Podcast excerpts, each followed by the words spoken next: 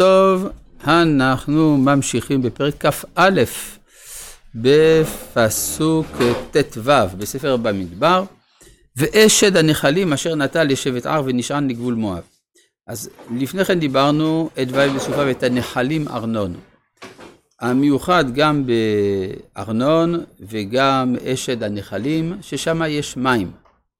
זאת אומרת שעם ישראל מגיע למקום, למקומות שבהם כבר יש מים, ואז הבאר שמתהלכת איתה מתחילה להיות מיותרת. אפשר לשתות מהמים של המקום. גם אשד הנחלים אשר נטע לשבט ער, ונשען לגבול מואב. זאת אומרת, מה זה נשען לגבול מואב? שהארנון הוא מקיף את מואב מצד אחד, ומצד שני הוא מבדיל בין מואב לבין האמורי. זה נחל שיש לו מסלול מתעקם. אז איפה שזה ישר זה הגבול, איפה שהוא הגבול בין האמורי לבין מואב, וכשהוא מתעקם זה הצד שבין ישראל לבין מואב. ומשם בארה. אין מקום שקוראים לו בארה, אלא הכוונה המקום שבו אה, או שהפסיקה הבאר את תפקידה, או ששמה חפרו באר נוסף, היא הבאר, אשר אמר השם למשה, אסוף את העם ואתנה להם מים. עכשיו, הסיפור הזה של הבארות, אה, יש אצל חז"ל הרבה דרשות שדורשות את זה על התורה. באר, כמו באר את התורה הזאת לאמור, בארה של תורה, מים, אין מים אל התורה.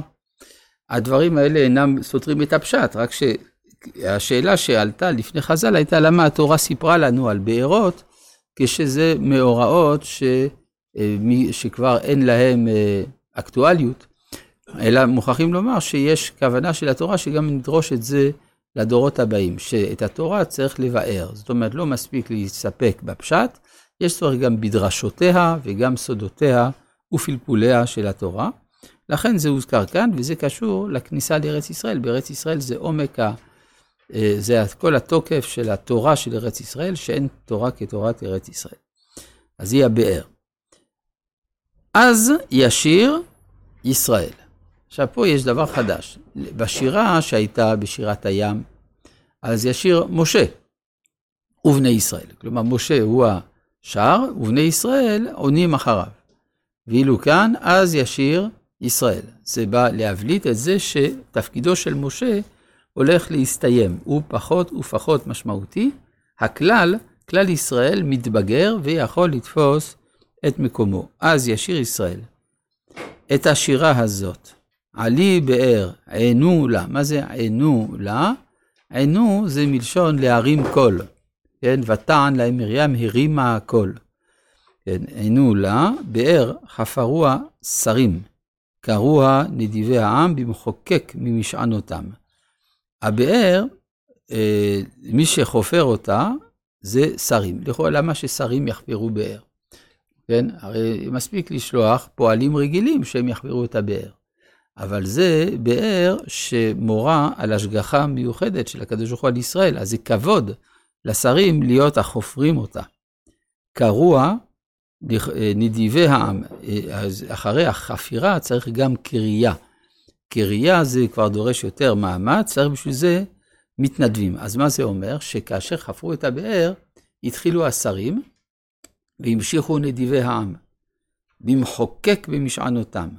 מה זה מחוקק במשענותם? אז יש כאן, בלשון שלהם כבר חוקקים, חוקקים עם המטה שלהם, וזה בגלל שראינו שלכל אחד מהנשיאים היה מטה, כן, אה, בפרשת קורח, אחרי שהיה צריך להראות את עליונותו של אהרון על אחרים, אז היו שם לכל אחד מטה, וגם היה מטה אהרון שגמל שקדים שנשאר בקודש הקודשים. אבל כל השאר לקחו את, את המטות שלהם, אז כמו שמצאנו שאצל משה המטה גם היה סימן, גם של שלטון וגם יכולת לעשות ניסים, אז גם השרים, יש להם גם כן מטה, כן, המטה של משה, ובו הם פותחים את התחילה של החפירה של הבאר. זה מזכיר את התקופה הזאת עכשיו. המחוקק, כן. אז מה שחז"ל אמרו, מחוקק זה משה.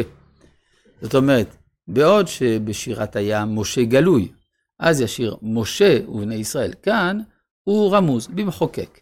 במחוקק, הרי גם על משה נאמר, כי שם חלקת מחוקק ספון בפרש, בפרשת וזאת הברכה. זאת אומרת, הוא נמצא, אבל לא בשמו. וממדבר, מה? מה? כן, אבל לא כתוב במפורש, זה בדיוק העניין. וממדבר מתנה, וממתנה נחליאל ומנחליאל במות. אז המקומות האלה, זה מקומות שלא מוזכרים במסעות בפרשת מסעי. לכן, אף על פי ש... אה, אה, כלומר, אז לכן יכול להיות שהכוונה שהמים זרמו, כן, ממדבר אה, הפכו למתנה, כלומר במדבר ניתנה מתנה של מים, וממתנה נחליאל, שהתחיל להיות נחל רב של מים, ומנחליאל במות, שהנחל, אף על פי שדרכו על פי הטבע לרדת ממעלה למטה, ומנחליאל במות, במקום שבו הם עולים, גם הנחל בא איתם. כמו שחז"ל אמרו שהבאר הייתה מתגלגלת יחד איתם. ומבמות הגיא אשר בשדה מואב, ראש הפסגה, ונשקפה על פני הישימון. זאת אומרת, גם ההולך על פני הישימון יכול לשתות מן המים האלה שסמוכים לישימון. עכשיו, כל הביטויים האלה הם מזמינים דרשה. כן, לכן חז"ל אמרו, כל העוסק בתורה לשמה, הרי זה מתעלה, שנאמר, וממתנה נחליאל. מתנה, ממדבר מתנה, זה התורה שניתנה כמתנה במדבר, זה מתנה נחליאל, מנחליאל במות, הרי זה מתעלה. במות, הגיא אשר בשדה מואב, ראש הפסגה ונשקף על פני הישימון, רומז, לה, אה, כלומר, החזרה המתמדת על שדה מואב והגבול מואב, בא לרמוז שמסביב למואב יש ציפייה למשהו שיתרחש. מה הדבר העתיד להתרחש עם מואב? השושלת המשיחית, שהיא באה מרות המואביה, והיא אה, אחר כך אה, מצטרפת לישראל. כלומר, תמיד יש איזו התקרבות של ישראל אל מואב, לא ברור בזמן המדבר עדיין בשביל מה, הקדוש ברוך הוא אומר למשה עתידות שתי בריכות לצאת משם ולהתחבר לישראל, ולכן אי אפשר לפגוע במואב. ויש... כן? מרגישים את חסרונה של מרים. כן, אכן, בדיוק, בדיוק. אין גם שום דבר, ולא ותיקח מרים, כי כבר מרים איננה. אז זה מאוד נכון מה שאתה אומר, איזה יופי. טוב. של הברכה של המים שמרים נתנה, הביאה לזה... אה, באמת? וואו. לא, לא, זה מעניין, מעניין. תסביר, אז בעצם, אז זה אומר שכאן מורגש חסרונה של מרים, כן? שמרים הייתה, היינו מצפים אה, שהיא תהיה, כמו בשירת הים, ותען להם מרים, והנה, פה אין. כן? ככה אתה מבין. טוב, יפה, יפה מאוד, מה? כן. כן, כן, זה... אני לא יודע. זה לא כתוב בפסוק, אז אני לא יודע. מה שלא כתוב, אני לא יודע. אני רק יודע מה שכתוב.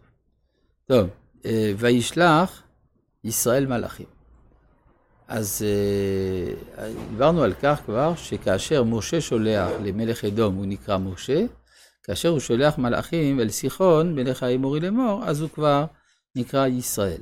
שוב, זה בגלל שבמדבר יש הבלטה של הדמות של המנהיג, המנהיג הוא העיקר והעם נגרר אחרי המנהיג, וכאשר נכנסים לארץ ישראל, ישראל הם העיקר, ואז המנהיג בטל לאומה.